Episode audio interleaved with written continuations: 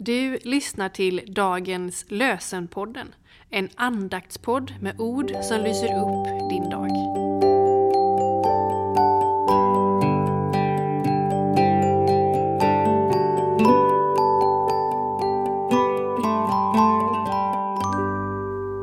Det är måndagen den 2 oktober och dagens lösenord kommer ur Jesajas 30 kapitel, vers 26.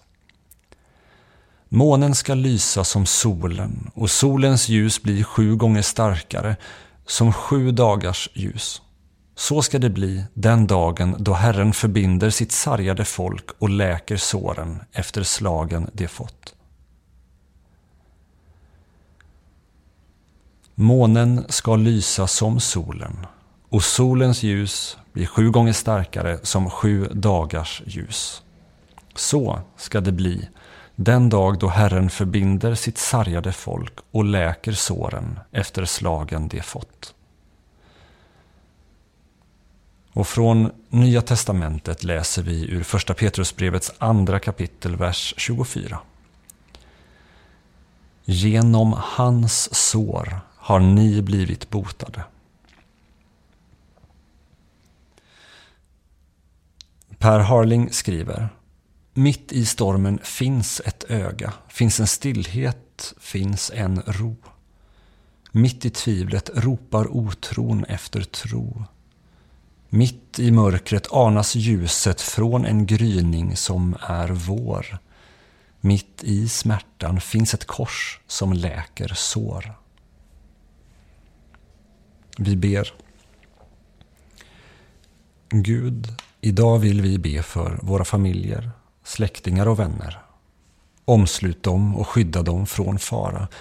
Vi ber särskilt om vilja och kraft att förbättra de relationer som av olika skäl inte fungerar. Särskilt tänker jag på Väck hos oss alla en längtan efter att leva nära dig. Hjälp oss att på våra arbetsplatser få vittna om dig. Ge oss kraft att möta de prövningar och frestelser som kommer i vår väg.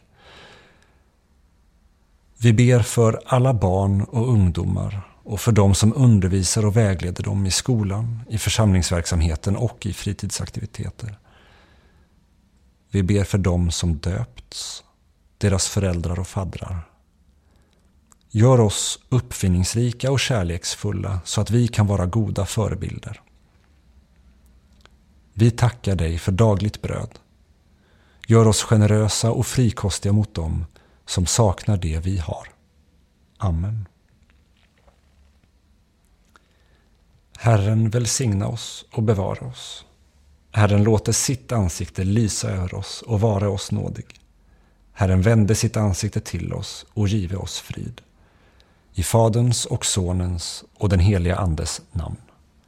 Amen. Det